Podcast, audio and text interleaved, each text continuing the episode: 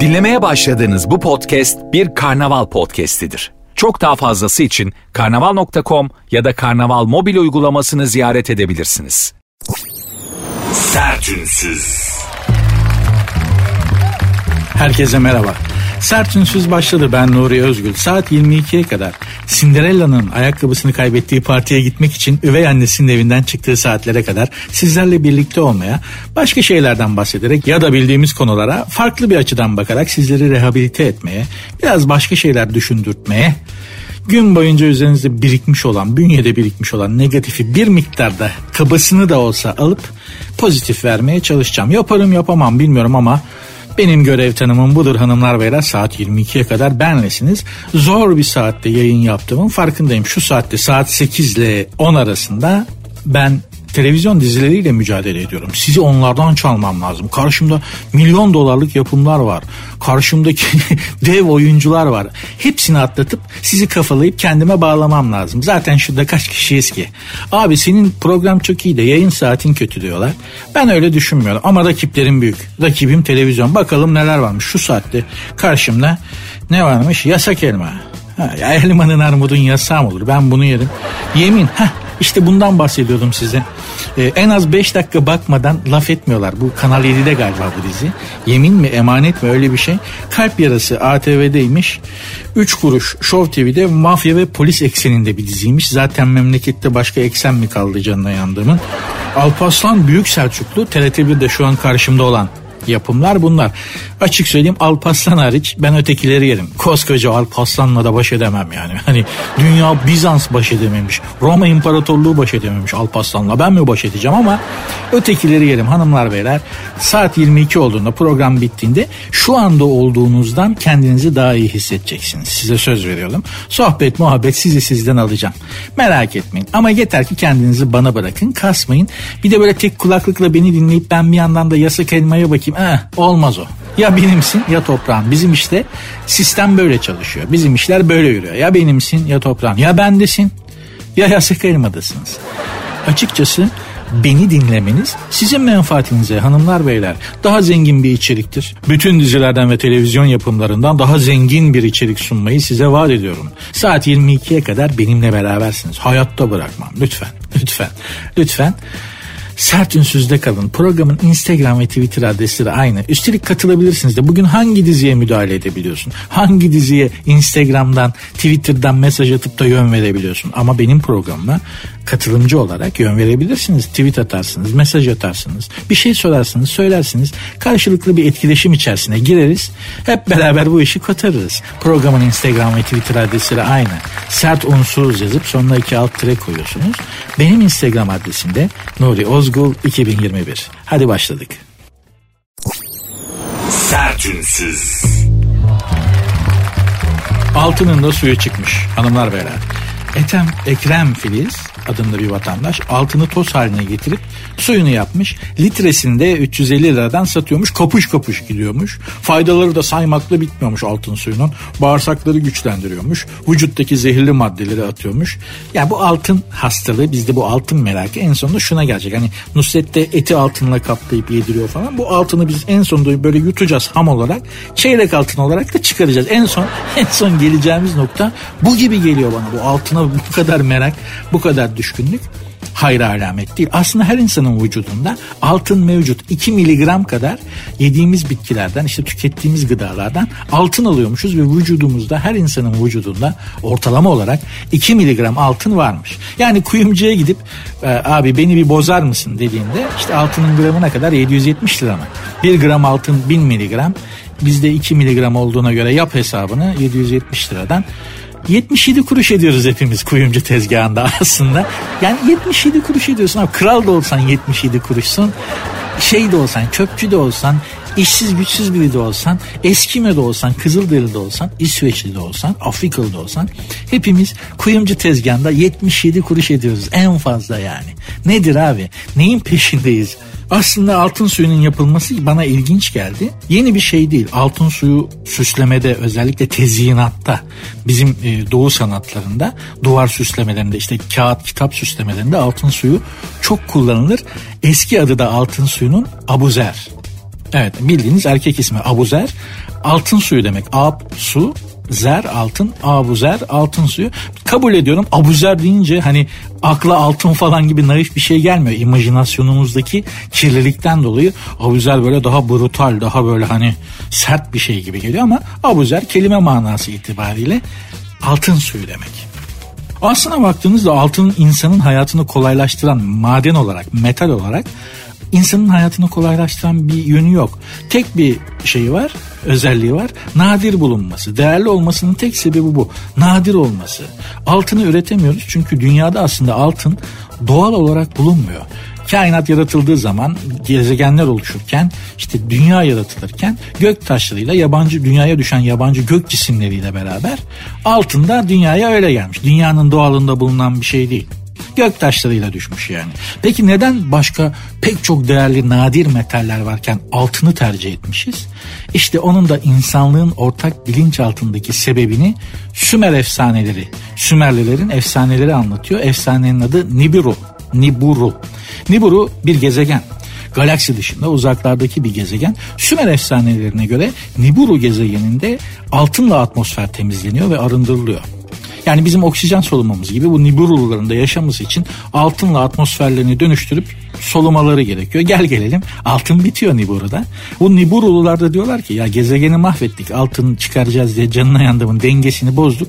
Biz ne yapalım gidelim başka gezegenlerde altın arayalım. Arıyorlar tarıyorlar abi bakıyorlar maviş bir gezegen böyle cigoz gibi duruyor. Altın da var altını çıkaracak köleleştirilebilecek ilkel yaşam da mevcut ilk insanlar yani bu maviş gezegende dünya. Bu Niburulular iniyorlar dünyaya. İnsanları köleleştiriyorlar. Altın madenlerinde köle işçi olarak çalıştırıyorlar. İlk atalarımızı, ilk şeylerimizi Sümer efsanelerine göre böyle. Ve şöyle insanları gruplara ayırıyorlar ve teslim ettikleri altın miktarına göre de işte isimleri yüksek sesle okunuyor. Niburulular tarafından ve onlar övülüyor. Hani bu takı törenlerindeki şey var ya gelinin halasından bilmem kaç gram altın aa şak şak şak falan. İnsanlığın ortak bilinçaltındaki sebebi bu ilk çağlarda atalarımızın çok teslim eden, altını çok teslim eden atalarımızın övülüyor olması. Ha diyeceksiniz ki bu takı töreni neden Avrupa'da, Amerika'da, işte Japonya'da yok da? Çünkü oralarda pek altın yok altın olan bölgelere dikkat edin mutlaka seremonilerde, düğün törenlerinde altın töreni, takı töreni vardır. Altın hediye olarak kullanılır. Ama Avrupa'da yoktur. Çünkü zaten Avrupa'da pek altın çıkmıyor. Neyse ne burullar diyorduk. Bunlar alt çıkartılan altını yeterli bulunca gel zaman git zaman altını tamam diyorlar. Bu bize yeter bizim gezegeni toparlar. Gidiyorlar. Giderken de bu köleleştirdikleri iş gücüne, ilkel yaşam formlarına diyorlar ki insanlara, ilk atalarımıza. Biz şimdi gidiyoruz. Ama bu dünya yok olmasına yakın geleceğiz. Sizi kurtaracağız. Bizim o ilk atalarımız da efsaneye göre diyorlar ki vay efendim bizim efendilerimiz gittiler ama geleceğiz dediler. Onlar gelene kadar bu altınları biz çıkarmaya saklamaya devam edelim. İnsanlığın altına düşkün olmasının sebebinin ortak bilinç altında ki nedeni buymuş. Bir gün hani Niburulular bizi kurtarmaya gelecek dünya yok olmasına yakın kenarımızda altın olsun da geldiklerinde verelim bizi de bu dünyadan kurtarsınlar. Sümer efsanelerine göre altına olan merakımızın sebebi bu. Yani kenarınızda bir artık çeyrek, cumhuriyet, reşat bir altın buldurun. Belki doğrudur. Sümerliler üfürmemiştir.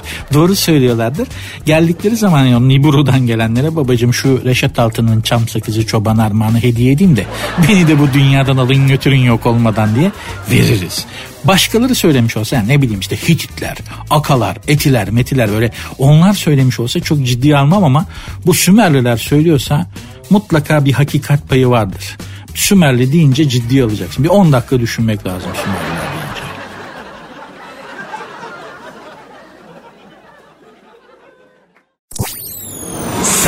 Sertünsüz. Sertünsüz devam ediyor hanımlar beyler. Altından bahsediyorduk. Şimdi önüme bir haber düştü. Hindistan'da adamın birinin midesinden 12 külçe küçük külçe altın çıkmış. Midesinden 12 tane küçük külçe altın çıkmış. Ya dünyadaki altının zaten yarısı Hindistan'da biliyorsunuz. Ya Hindistan'da düğünlerde bir altın takıyorlar. Bu bizdeki altın takı töreni falan havacıva. Ya her düğünde gelinle damada komple bizim Mahmut Paşa'yı takıyorlar. Hani İstanbul Altın Borsası orada ya.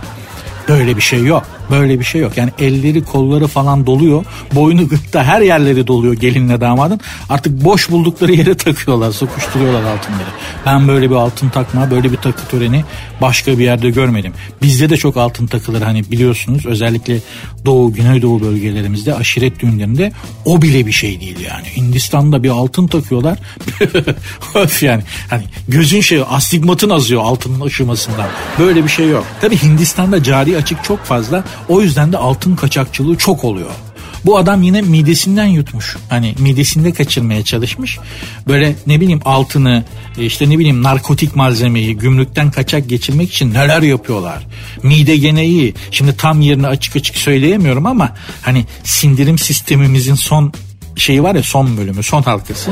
Ya oraya işte tarihi eser sokup kaçırmaya çalışan var ya gerçekten. Ya şimdi gözümle gördüm görmesem var demem. Yani tabii bu arada tarihi eseri bu sindirim sistemimizin son halkasına sokup çal- kaçırmaya çalışan var derken hani tarihi eseri de böyle hani Roma sütununu sokmuş, Roma kılıcını mızrağını sokmuş kaçırmaya çalışıyor değil. işte sikke yani eski para. Tamam mı? Küçük minicik heykelcikler falan. Onları sokup kaçırmaya çalışıyorlar. Gümrükten geçirmeye çalışıyorlar. Bir de enteresandır haberlerde gördüm ben bunu haberde gördüm. E, bu tarihi eser kaçakçılarının e, enteresan bir prezante edilme şekilleri var haberlerde. Değişik bir sunumları var. Zannediyorum o sunum şeklini bu tarihi eser kaçakçılarını yakalayan emniyet birimi e, hazırlıyor. Şöyle Şimdi bunlar tarihi eserleri yani bu sikkeleri falan işte o sindirimin son halkası olan yere sokup kaçırmaya çalışırken yakalanmış emniyet bunları sobelemiş. Bir masanın üstünde duruyor o tarihi eserler. Sterilize edilmişler tabi ee, ve arkasında da bu bunları kendine bekitip kaçırmaya çalışanlar. Elleri önünde boyunları bükük iki kişi duruyorlar böyle genelde de şöyle olur hatırlarsınız mesela işte terör örgütü örgüt yuvaları örgüt evleri basıldığında çıkan mermilerden TC emniyet yazarlar masaya böyle falan nam olsun diye. Şimdi bu sikkeler yetmemiş zannediyorum emniyet yazmaya. Suçluların baş harflerini yazmışlar adını. A, Y. ya ne enteresan. Gerçekten bizim emniyetin de polis teşkilatının da e, çok değişik, çok enteresan bir espri ve mizah anlayışı var. Yani biliyorsunuz programda çok sık eleştiriyorum emniyet teşkilatımızı maalesef. Yakalayamayacakları suçlu yok. Bak adam neresine altın sokmuş, sikke sokmuş, küçük tarihi eser heykelcik sokmuş onu bile sobelemiş emniyet. Emniyetin yakalayamayacağı suçlu yok. Sadece çok caydırıcı değil yani falan diye düşünüyordum. Sonra bu fikrimden de vazgeçtim. Bunlar yakalıyorlar da işte salı veriliyorlar ya.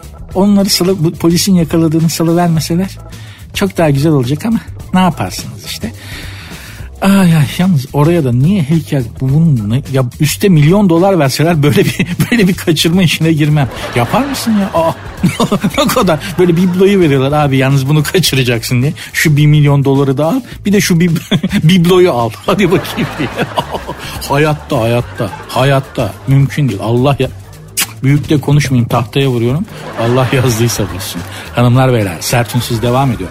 Programın Instagram ve Twitter adreslerini sizlere arz edeyim. Belki katılımcı olmak isterseniz. Sert unsuz yazıp sonuna iki alt tere koyuyorsunuz. Instagram ve Twitter adresleri böyle. Benim Instagram adresim de Nuri Ozgul 2021. Sertünsüz. Hamarat Damat hanımlar beyler sert ünsüz devam ediyor. Hamarat Damat haberi sacitaslan.com'da okudum. Sacit Bey'in e, internet sitesi. O da takvim gazetesinden almış. Bunları söyleyeyim ki emeklerine saygısızlık olmasın. Efendim e, Thor Sverreson kendisi Dilan Çiçek Deniz bizim kızımız da aşk yaşıyorlardı. İşi ciddiyete bindirdiler. Artık damat formuna damat kıvamına geldi. Thor Nordik bir arkadaşımız. Köprüde evlenme teklif etmiş Dilan Çiçek Deniz'i. Köp köprü değil mi? Türkiye'deki köprülerde değildir o. Çünkü Türkiye'de hani evlenme teklif etmek için diz çöktüm falan hani trafiği tıkadım. Köprüden aşağı atı verirler. Yani saatlerdir senin yüzünden iki dakikalık yolu gelemedik diye Allah korusun. O gene Nordik taraflarda o işte kendi memleketindeki köprülerden birinde insan az olduğu için 3 saatte bir araba geçiyor. Oralarda bir yerde evlenme teklif etmiştir. Yani ben köprüde bu köprülerdeki trafikte daralan sürücü modeli o kadar enteresandır ki bir keresinde köprüde intihar etmek için köprüye çıkmış bir vatandaşa atla olan diye bağıran vatandaş şoför gördüm ben ya. 20 küsür sene önce ben de böyle bir girişimde bulunmuştum ama köprüde değil. Size biraz özel hayatımdan bahsedeyim. Böylece belki hani kafası bu şekilde bulanmış insanlara da bir faydası olur hikayemin. 20 küsür sene önce ben işsiz kaldım. Bu 2000 krizi anayasa fırlatmadan dolayı yani Cumhurbaşkanı başbakanı o zamanın başbakanına anayasa fırlatmıştı. Büyük bir ekonomik krize sebep oldu. Medyada çok büyük bankacılık sektöründe çok büyük bir işsizlik dalgası yarattı. Ben de o dalgada işsiz kalanlardan biriydim. İşte o zincirleme bir felaket olarak işte evliliğim bitti, işsiz kaldım, babamın evine döndüm, darmadağın oldum. Ya şöyle düşünün 30 yaşındaydım küçük kardeşim bana harçlık veriyordu arada bir. Ve ben ancak o parayla işte günde bir şey yapabiliyorsam bir günümü idare etmeye çay falan içmeye çalışıyordum. Ya bir gün artık öyle bir darlandım ki dedim ki buraya kadar. Yani artık hiçbir şey düzelmeyecek. Bir sene falan bir buçuk sene sürmüştü. Çatıda buldum kendimi. Gerçekten samimi söylüyorum. Çatıda buldum kendimi. Bana dur atlama diyen de olmadı. Issız bir yerde yani gören de yok. Fakat olmadı yani yapamadım yapmadım. Geri döndüm. Ve gerçekten de iyi ki yapmamışım. Çünkü bir hafta sonra Kadir Çöptemir aradı beni. Ustam, büyük radyocu, e, büyük dizi oyuncusu. E, Kadir Çöptemir aradı 20 küsur sene önce. Bir dedi radyo programı var benimle beraber çalışır mısın radyo programında dedi. Bir başladık çalışmaya. Gözümü bir açtım 20 sene geçmiş. Yani daha yeni 20 sene boyunca nefes almadan çalışmışız. Her şey çok güzel oldu.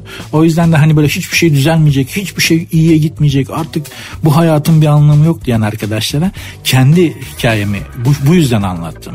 Düzeliyor. Her şey umduğunuzdan çok daha güzel oluyor. Hayat çok enteresan numaralarla dolu gerçekten. Hiç beklemediğiniz anda öyle bir şey numara çekiyor ki size her şey bir anda güllük gülistanlık oluyor. Hani Marcel Alanson diyor ya 5 dakikada değişir her şey diye. 5 dakika bile değil yani bir dakikada değişiyor. O yüzden öyle kötü şeyler getirmeyin aklınıza. Biz ne diyorduk ya? Ha, hamarat damat diyorduk değil mi? Siverisson. Thor Siverisson. Dilan Çiçek Deniz hanımefendiye evlenme teklif etmiş köprüde. Oradan buraya gelmiştik. Ben şimdi tekrar Thor'a dönüyorum. Mevzu şu. Thor Sverrisson, Sverrisson Türk lezzetlerine iyice alışmış. Türk lezzetlerine alışmış derken mutfak manasında alışmış. Türk yemeklerini dinliyormuş. Ee, öyle menemen falan da değil ha yani böyle Türk, yani basit şeyler değil. Bu arada menemeni sahanda yumurtayı da basit görmemek lazım. Gene bir şey anlatayım. Vakti zamanında benim bir Macar kız arkadaşım vardı. Gurme okuluna gidiyordu bu. Şef de cuisine olacaktı. Avrupa'nın en önemli gurme okullarından biri Budapeşte de. Orada gurme okuluna gidiyordu ve bitirme sınavı artık okulu bitirecek. 6 tane şef adayı bunlar bitirme imtihanına girecekler. Ben de gittim bitirme imtihanına seyrediyorum.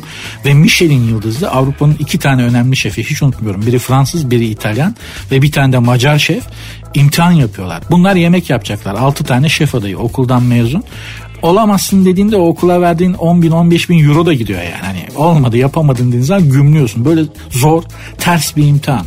Şimdi gurme şef imtihanında ne beklersin? İşte Fransız mutfağından ne bileyim uzak doğu mutfağından bir yemek söyle zor bir yemek söyleyecekler de bunlar pişirecekler değil mi? Öyle alengirli bir şey beklersin.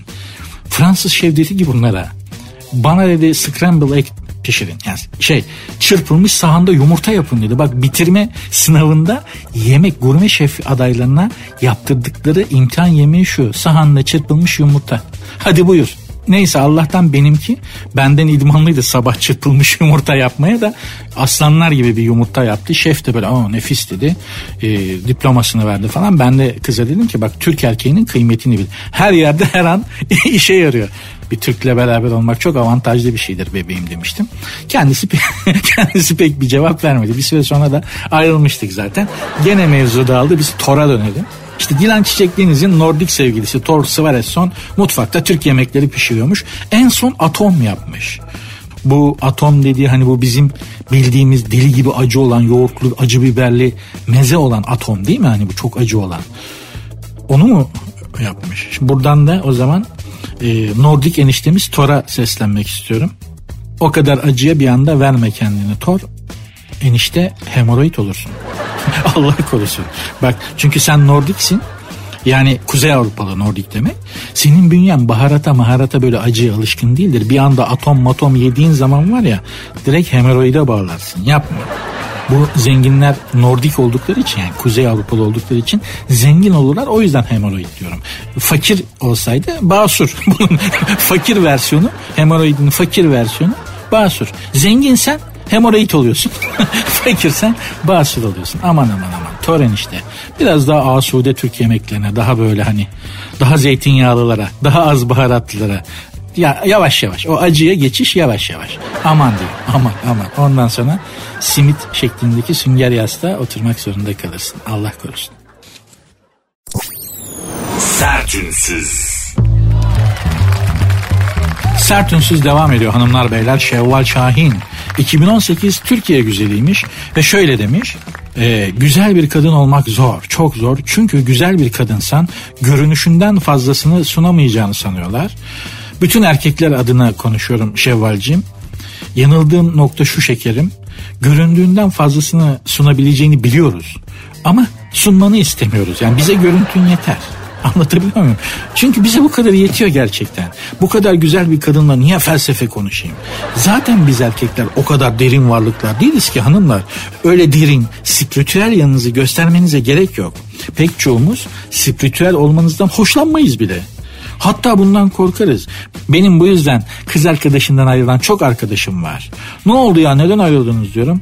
Abi acayip acayip konuşuyordu bazen korkuyordum dedi. Acayip acayip konuşuyordu dediği o işte. Derin, anlamlı, spiritüel. Biz gelemeyiz buna erkekler olarak. Hatta öyle hani derin konuşmalardan falan korkmamızı geç. Tütsüden bile kork. Tütsü ya tütsü ondan bile tırsarız biz. Yani kız arkadaşı tütsü meraklısı olan bir arkadaşım ya tütsü ya ben demiş kız tütsü deyip ayrılmış bundan. kız tütsü demiş ayrılmışlar. Olsun abi sana tütsünün ne zararı var dedim. Abi öyle deme ev putperest tapınağı gibi kokuyor yeminle. İçe komşular apartmandakiler bundan içeride kedi kesiyor olmasın diye apartman toplantısında konuşuyorlarmış. Zor ayrıldım vallahi dedi ya. Tabi bu konuda bu spiritüelizm konusunda bizim kafamız biraz karışık. Yani içeride neden kedi kessinler ayrı bir konu ama spiritüelizm konusu bizi biraz böyle bir derin insanlar bizi genelde korkuya sevk ederler. Böyle bir yanımız var bu konuda yani spiritüalizm konusunda da kafası karışık bir toplumuz. Onu söylemeye çalışıyorum. Güzel bir kadın olmak zor. Çünkü görünüşünüzden fazlasını sunamayacağınızı zannediyorlar diyen 2018 Türkiye güzeli Şevval Şahin Hanım'a sesleniyorum. Bize görünüşünüz yeter şekerim. Yüzeysel. Yüzeysel. Mümkün olduğu kadar yüzeysel. Bundan şaşmayın.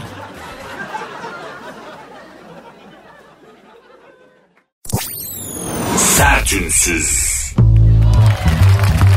Sertünsüz devam ediyor. Müjdemi isterim not topu gibi yeni bir krizimiz oldu dünya çapında. Şimdi de yedek parça krizi geliyormuş. Efendim işte bütün dünyada ham madde krizinden dolayı nakliye krizleri de var biliyorsunuz. Otomotiv sektöründe şimdi de yedek parça sorunu ortaya çıkmış. Uzak doğudaki enerji problemleri de yedek parça sayısını vurmuş. Uzmanlar yedek parça bekleme süresinin 5 ayın üzerine çıkabileceğini söylüyorlarmış. Şimdi bu yedek parça krizi dediği orijinal yedek parça. Yani o kriz o. Bize işlemez, bize sökmez. Çünkü sanayi denen şeyi İngilizler icat ettiyse biz Türklerde yan sanayi denen şeyi icat ettik. Çin falan sonradan geçti bizi yan sanayide. Arabanı alırsın garanti süresi bitene kadar ağlar gibi servise gidersin orijinal yedek parça falan taktırırsın. Sonra o acı gün gelir yani otomobilin garanti süresinin bittiği gün. Bir erkeğin hayatında babasını yitirdiği günden sonra en acı gündür o. Arabanın garanti süresinin bittiği gün. Otosanayinin yolları taştan. Böyle ağalar beyler gibi kurula kurula servise, orijinal servise giren araba bir anda otosanayinin o delik deşik çamurlu yollarında arzı endam etmeye başlar. Bu arada otomobil satanlar da aslında otomobilden kar etmiyorlar. Yani parayı asıl parayı otomobilden kazanmıyorlar. Çünkü rekabet çok keskin otomobil satışlarında ve kar marjı çok düşük. Para kazanmıyorlar gerçekten pek fazla otomobilden. Dikkat edin çoğunun yanında servisi vardır. Servisten para kazanırlar. Ben bunu şöyle öğrendim. Seneler evvel bilindik bir otomobil firmasının bayi toplantısındayız. Yer Antalya Belek. Allah'ın emri zaten. Bayi toplantısı dedim mi Antalya Belek taraflarında. Otomobil bayileri işte CEO çıkıyor konuşuyor falan. Ee, çok uluslu bir şirket. Bulgar bir CEO'su var. Türkiye'deki şeyin e, CEO'su Bulgar. Orta Doğu sorumlusu İstanbul'da e, ve Bulgar baba. Neyse çıktı konuştu kar marjları düşük falan filan İngilizce konuşuyor simultane tercüme ediliyor kendisine falan. İşte sorunuz var mı dediler. Bu bayiler dedi ki ya bu kar marjları niye düşük? Bulgar CEO da ne yapsın bunu böyle diplomatik bir dilde anlattı. Dedi ki çünkü rekabet çok keskin. Otomobil satışlarında yüksek karlar artık yok. Size dedi servis açmanızı tavsiye ediyorum falan. Bayiler gene sordu. Niye servis açıyoruz ki? Yani ne yani? Ne yani? Biz otomobil satıyoruz. Servisçilikten anlamayız kardeşim. Niye kar marjımız düşürülüyor dediler. Ee, Bulgar CEO gene bunu böyle diplomatik bir nezaketle anlatmaya çalışırken pazarlama ve satıştan sorumlu Türk Genel Müdür Yardımcısı devreye girdi. Şöyle yaptı. Arkadaşlar otomobilden kar etme dönemi bitti. Otomobildeki kar marjını düşürüyorsunuz. Servis açıp serviste kilitliyorsunuz. Anlaşılmayan bir şey var mı? Yok dediler. Türkçe konuş. Adam dilden şeyden anlıyor yani. Türkçe anlattığı işte adam bak. Diyor ki yani otomobil satışından kar marjlarını düşürüyorsunuz. Aradaki farkı serviste kitleyerek kazanacaksınız. Bundan sonra böyle dediler. Ben o gün bu servis işinin inceliğine orada uyanmıştım. Bu yan sanayi işinde otosanayide özellikle ustalar bir araç geldiği zaman servise otosanayide iki türlü fiyat çalışırlar. Bir fiyat çıkartırlar genelde o çok pahalıdır. Abi derler bu orijinal yedek parça koyarsak bu. Bir de çok daha düşük onun üçte birine yakın bir fiyatta bir fiyat çıkartırlar. İşte derler bu da yan sanayi koyarsak böyle. Ya sen de bakarsın ya neden hani yan sanayi koymaya pek için el vermez yan sanayi yedek parça koymaya. Ya bu neden böyle bunları orijinal koysak olmaz mı falan filan dersin. Ne varken bunların hepsini koymasak olmaz mı falan. Usta böyle senin anlayamayacağın otosanayi dilinde Otosanayinin de kendine özgü bir dili var. Onu gide gele öğrenirsiniz. İlk gittiğinizde çok yabancı gelir. Yani nesi var ki bunun böyle falan hani bu kadar yedek parçaya ne gerek var falan. Piston düştü, motor kol çıkardı gibi ilk duyduğunuzda anlayamayacağınız, zamanla idrak edebileceğiniz arıza şekilleri, arıza isimleri söyler. Motor kol çıkarttı, platin meme yaptı abi falan gibi. İlk başta dediğim gibi anlayamazsınız. Ha peki o zaman anlayamadığınız her işi gibi karşıdakine peki senin dediğin olsun dersiniz ve usta onları yerine yan olarak koyar. Ya yan sanayide şu kadar ilerideyiz ki yan sanayi şarj kablosunu ürettik ya. Şey Çin'den önce biz ürettik yani yan sanayi kablosunu. Onu geç, onu geç. Ben gene kendi hayatımdan bir örnek vereyim. Benim kalbime stent takılıyor. Anjiyo yapılıyor. Uyanığım. Uyuşturulmuşum ama uyanığım. Anjiyo yapılıyor. Yanımda doktor, operatör, cerrah dedi ki stent takma zamanı geldi kalbime. Girdi damardan falan işte gitti buldu yerleri falan. Orijinal mi takalım? Vallahi bak orijinal mi takalım dedi yerli mi? Dedim ne fark var arasında? Orijinaline daha az bakım gerekiyor dedi. Dedim baba orijinal tak. Gide gele muayene parasından zaten aradaki farkı kat pakat ödeyeceğim. Dedim sen orijinali neyse onu tak. Arabayı zaten yan sanayiyle yedek parçayla donattık. Hiç olmazsa kendimize orijinal yedek parça taktıralım da şu hayatta biraz daha sağlıklı yaşayalım demiştim. Size de onu tavsiye ederim. Eğer bir gün Allah korusun hepinizde stent taktırmanız falan gerekirse böyle bir soru geldiğinde hemen orijinaline yönelin.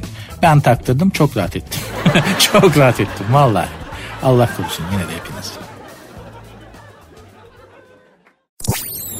Sertünsüz. Sertünsüz devam ediyor hanımlar beyler. Ben Nuri Özgül. Biraz magazin turu yapalım mı? Seversiniz magazini. Magazin iyi bir şeydir. Akünün suyunu boşaltır. Ciddi haberlerden, ağır haberlerden, felaket haberlerinden, ana haber bültenlerinin üzerimize biriktirdiği o negatiften bizi biraz uzaklaştırır böyle boş haberler. Bir miktar tadında olduğu sürece iyidir. Sizi de böyle elinizden tutup biraz magazin turuna çıkarmak istiyorum. Beraber yorumlayalım. Şeyma uyumu. Evet. Bir süredir Miami'de bulunan Şeyma Subaşı önceki gün kızı ve yeğeniyle AVM turuna çıkmış. Türkiye'ye gelmişken alışveriş yapalım dedik demiş. Böyle bir açıklama yapmış Şeyma Subaşı. Ceketiyle bir örnek olan çantası da dikkatlerden kaçmamış. Magazin Türkçesi de bambaşkadır gerçekten. Kendine özgü bir Türkçedir yani. Ayrı dersini vermek lazım objektiflere takıldı falan gibi böyle tuhaf Türkçeleri vardır. Şeyma Hanım'ın alışveriş yapmaya gittiği AVM neresi? Elbette ki bütün ünlülerin gittiği Zorlu Center. Ben bu Zorlu Center'a hala akıl erdirebilmiş değilim. En son ürettiğim teoride ısrarcıyım. Bu ünlülerin gittiği hani Telli Baba'ya işte evlenme çağındaki evlenmek isteyen özellikle genç hanımlar gider ya Telli Baba'ya giderler adak adarlar falan. Tel alırlar falan işte böyle bir şeyi vardır böyle bir adeti vardır Telli Baba Hazretlerinin. Böyle bir kerameti vardır yani. Bu Zorlu Center'da da Zorlu Baba gibi böyle ünlülerin şöhretini devam ettirmeye çalışan böyle bir Veliullah'tan biri mi var ya? Hani Zorlu Baba falan. Bunlar niye hep Zorlu Center'a gidiyorlar? Hani oraya gidip böyle bir şey mi yapıyorlar? Dua mı ediyorlar? Nedir ya abi? Bu ünlülerin başka bir AVM'ye gitmeleri imkansız mı? Neden hep Zorlu Center'dalar? Ya şunu bir ünlü Allah aşkına beni dinleyen ünlülere sesleniyorum. Şu Zorlu'nun kerametini bana da bir açıklayın. Vardır bunlar gidiyorsa bir sebebi. Amerika yolcusuymuş. Kim? Hande Erçel ile Kerem Bürsin sette başlayan arkadaşlığı aşka dönüştürmüşler. İki senedir birlikte olan Kerem ile Erçel ile Bürsin Hande Erçel ile Kerem Bürsin. Dizinin bitmesinden sonra da aşklarına ara vermişler. Aşka bak dizi gibi 70 bölüm.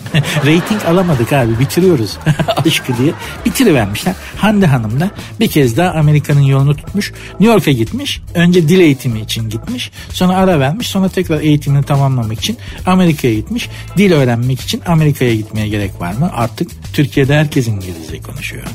Türkiye'de İngilizce bilmeyen kaldı mı ya? Sular seller papağanlar bile İngilizce konuşuyor ya. Çok yanlış. Amerika büyük masraf. Amerika'da eğitime karşıyım açıkçası. Çocuğum olursa hayatta Amerika'ya göndermem. Üniversite okuması için. Avrupa'ya gönderirim. İlber Hoca da benimle aynı fikirde. İlber Ortaylı da hocam da aynı fikirde. Şapkalı Pelin Oyuncu Pelin Karahan önceki gün Zincirlikuyu'da bir, bir AVM'deydi. Bak bu da zorlu. Bak bu da zorlu. Zorlu babaya dua etmeye gitmiş Pelin Hanım. Neden? Hem dijital hem de televizyon için gelen teklifler varmış. Oynadığı dizi bitmiş. Final yapmış. Ama hem dijital hem televizyon için gelen teklifler var. Ancak şu an netleşen bir projem yok demiş ki bunun Türkçesi dekod edilmiş hali bana gelen bir teklif yok henüz. O demek. Biraz yurt dışından magazine bakalım hanımlar beyler. Uzayda balayı.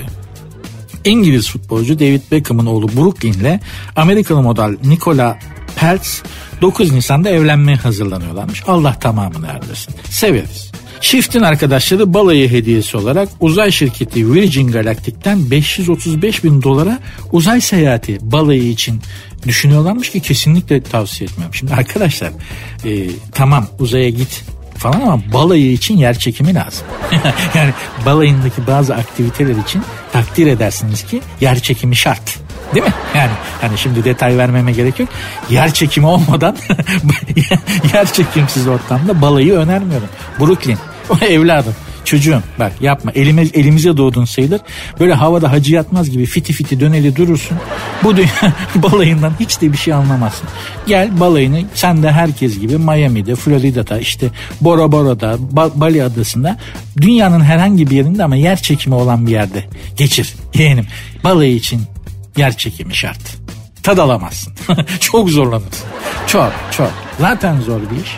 Yani şey yani yeni evli olmak kolay bir şey değil sonuçta. Zor bir şey. Birbirinize alışmak, iki insanın bir araya gelmesi, yaşaması falan o manada söylüyorum zor bir iş. Bir de yer çekimsiz ortamda çok zorlanırsın. Gençsin de, gençsin de aman diyeyim, aman. Hanımlar beyler hızlı bir magazin turu yaptık. Devam edeceğiz. Sertünsüz. Robot süpürge otelden kaçmış. Nerede? İngiltere'de. Hani bu disk şeklinde yuvarlak e, fiti fiti evi süpüren robot süpürgeler var ya. Onlardan işte İngiltere'de bir otelde çalıştırıp salmışlar bunu geze geze süpürsün oteli diye. Otelin kapısından kaçmış. Robot süpürgenin kapıdan tüydüğünü gören çalışanlardan biri şey demiş. Can havliyle kaçıyordu. Artık otel nasıl bir pisse Nedir burası arkadaş? İnsan oteli mi at harası mı belli değil. Bu ne pislik deyip fıymış robot süpürge. Biliyorsunuz çok gelişmiş modelleri var bu robot süpürgelerin. Yapay zekalı falan filan. Evin haritasını çıkarıyor. Hiçbir yeri çarpmadan temizliyor. Yani bir kere çalıştırıyorsunuz çarpa çarpa çalışıyor. Haritalandırıyor evi böylece. Ve daha sonraki çalışmalarında o haritadan yola çıkarak hiçbir yere çarpmadan fiti fiti gidiyor. Her yeri süpürüyor. Yapay zekalı robotlar. Bende de var bir tane bunlardan. Bu robot süpürgelerden. Adı Hans. Almanya'dan geldi. Adını o yüzden Hans koydum. Ama zeka sıfır. Yani benimkinde zeka, sıfır ilk modellerden. Ya da zekası vardı ama benim ev biraz böyle girintili çıkıntılı dönemeçli falan. Kafayı çarpa çarpa beyni sulandı robot süpürgenin. Ya gece kendi kendine çalışıyor ya inisiyatif belirledi. Tutum takınıyor. Bazen ben çalıştırıyorum çalışmıyor. Kendi istediği zaman çalışıyor. Karakteri gelişti. Hans'ın kafayı duvarlara vura vura karakteri oturdu. Tutum takınıyor ya. Biraz da hızlı çalışıyor benim Hans. Çat diye duvara bir vuruyor böyle büyük bir şiddetle. Bir çarpması var gerçekten. Süpürgeden ah diye bir ses gelmesini bekliyorum yakın zamanda. Ama çalışkan alet. Ya yakında böyle hani ay dur hazır elimdeymişken iki suda şu çamaşırları çitleyeyim falan demesi mümkün. Ne de olsa Alman disiplinli alet yani. Ama bakınız İngiltere'deki robot süpürge dayanamayıp firar etmiş. Düşün makina bile makina bildiğin robot süpürge bile ev işine tahammül edemeyip firar ediyor. Hayatımızdaki kadınların kıymetini bilelim. İçimizdeki beylere, beni dinleyen beylere sesleniyorum. Yıllardır çamaşır, bulaşık, ütü, temizlik. Ya bir kere bile gık dediler mi? Deseler bile kırıcı olmadan böyle bir sitem tadında söylemediler mi? Ne kahrımızı çekti kadınlar. Hakikaten üzerimizdeki hakkınız yere göğe sığmaz hayatınızdaki bütün erkekler adına Fatih'cim bizi dinleyen hanımefendilerin hepsine büyük bir alkış, büyük bir alkış verir misiniz hanımlar? Bunu hak ettiniz. Aslında tabii çok daha fazlasını hak ettiniz elbette ama ne yapalım ancak buradan alkış yollayabiliyorum şimdilik. Ne demişler? Ayının hediyesi elma ile armut. Ne yaparsınız şekerim idare edin artık.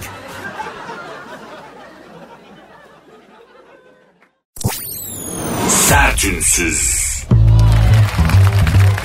Sertünsüz devam ediyor.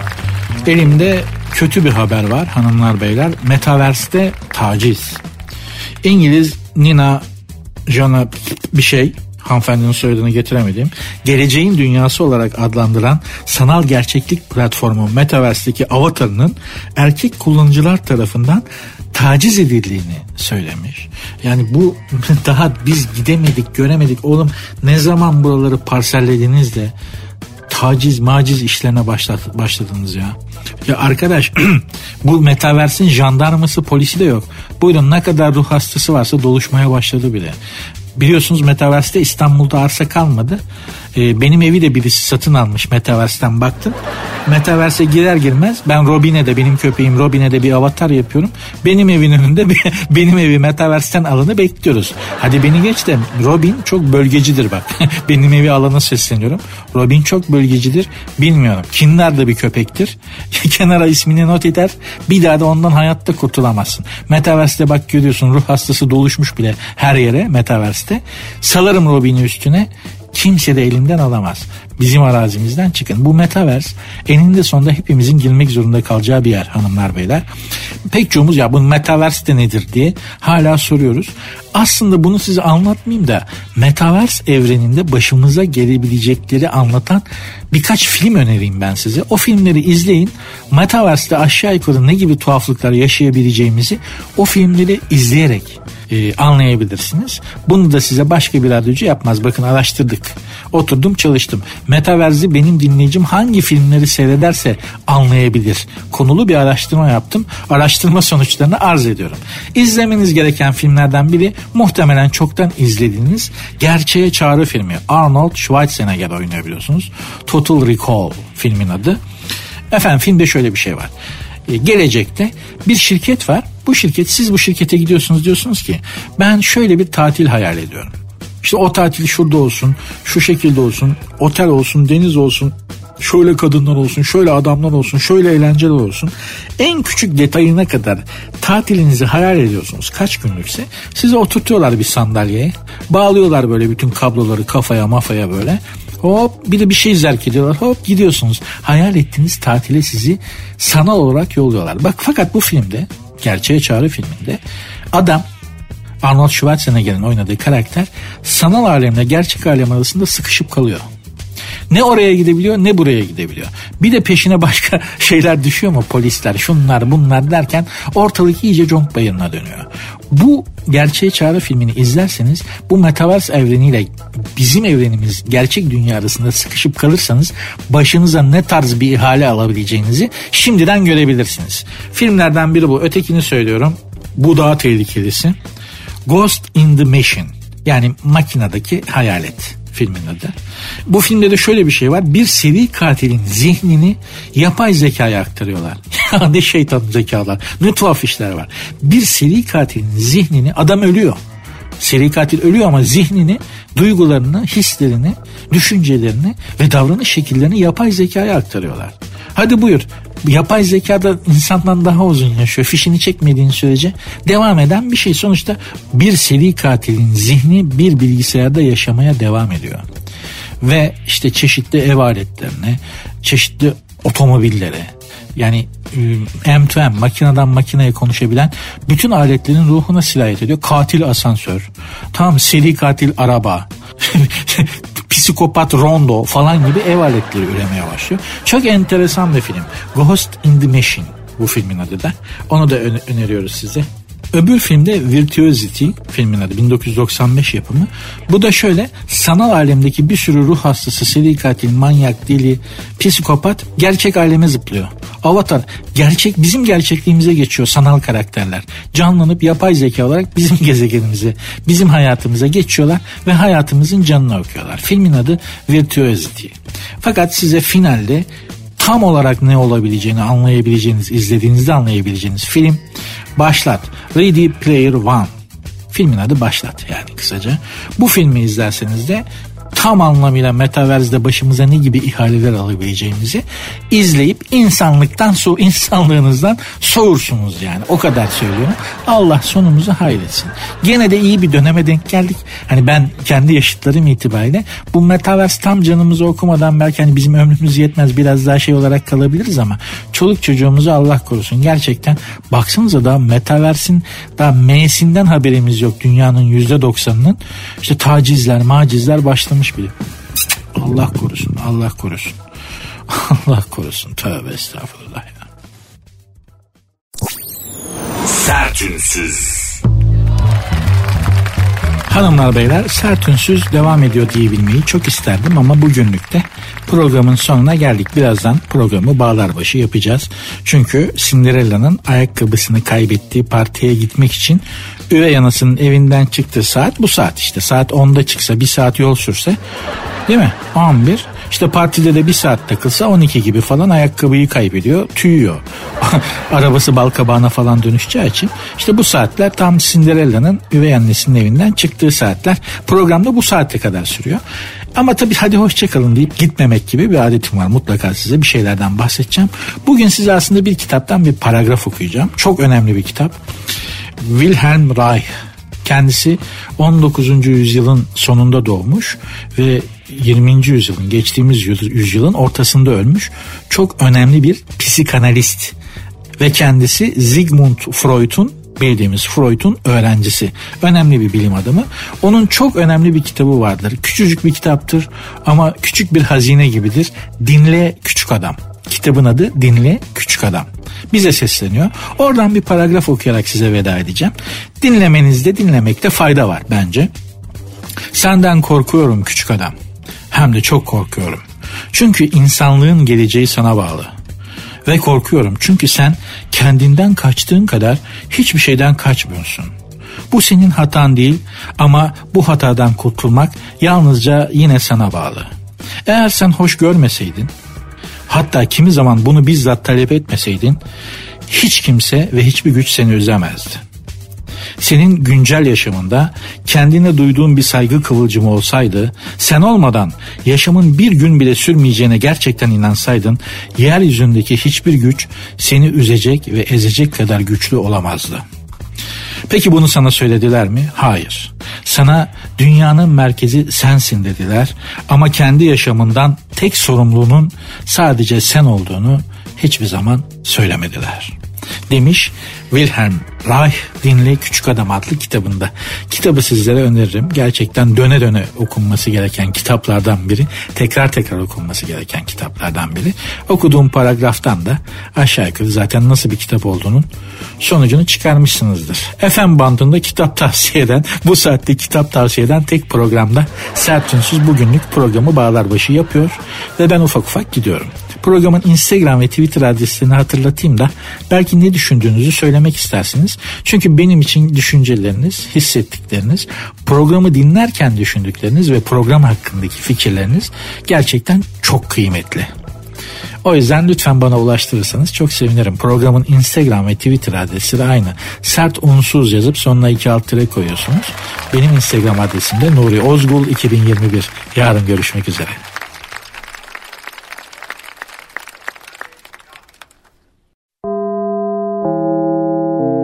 Dinlemiş olduğunuz bu podcast bir karnaval podcastidir. Çok daha fazlası için karnaval.com ya da karnaval mobil uygulamasını ziyaret edebilirsiniz.